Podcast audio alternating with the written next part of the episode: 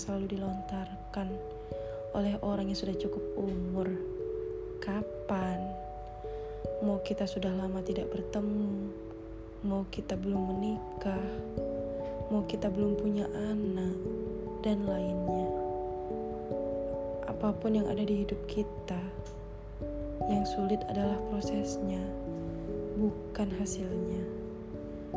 Kalau saja hidup ini sama instannya dengan mie instan sudah banyak orang-orang yang bahagia. Bahkan untuk mencapai bahagia saja sulit, apalagi memenuhi ekspektasi manusia, apalagi memenuhi keinginan kapanmu. Percaya saja, jangan berusaha terlalu keras. Semua sudah ada jalannya masing-masing.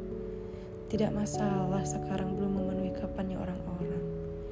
Yang penting kamu bahagia. Yang penting kamu bisa memenuhi ekspektasimu sendiri, bukan ekspektasi orang lain.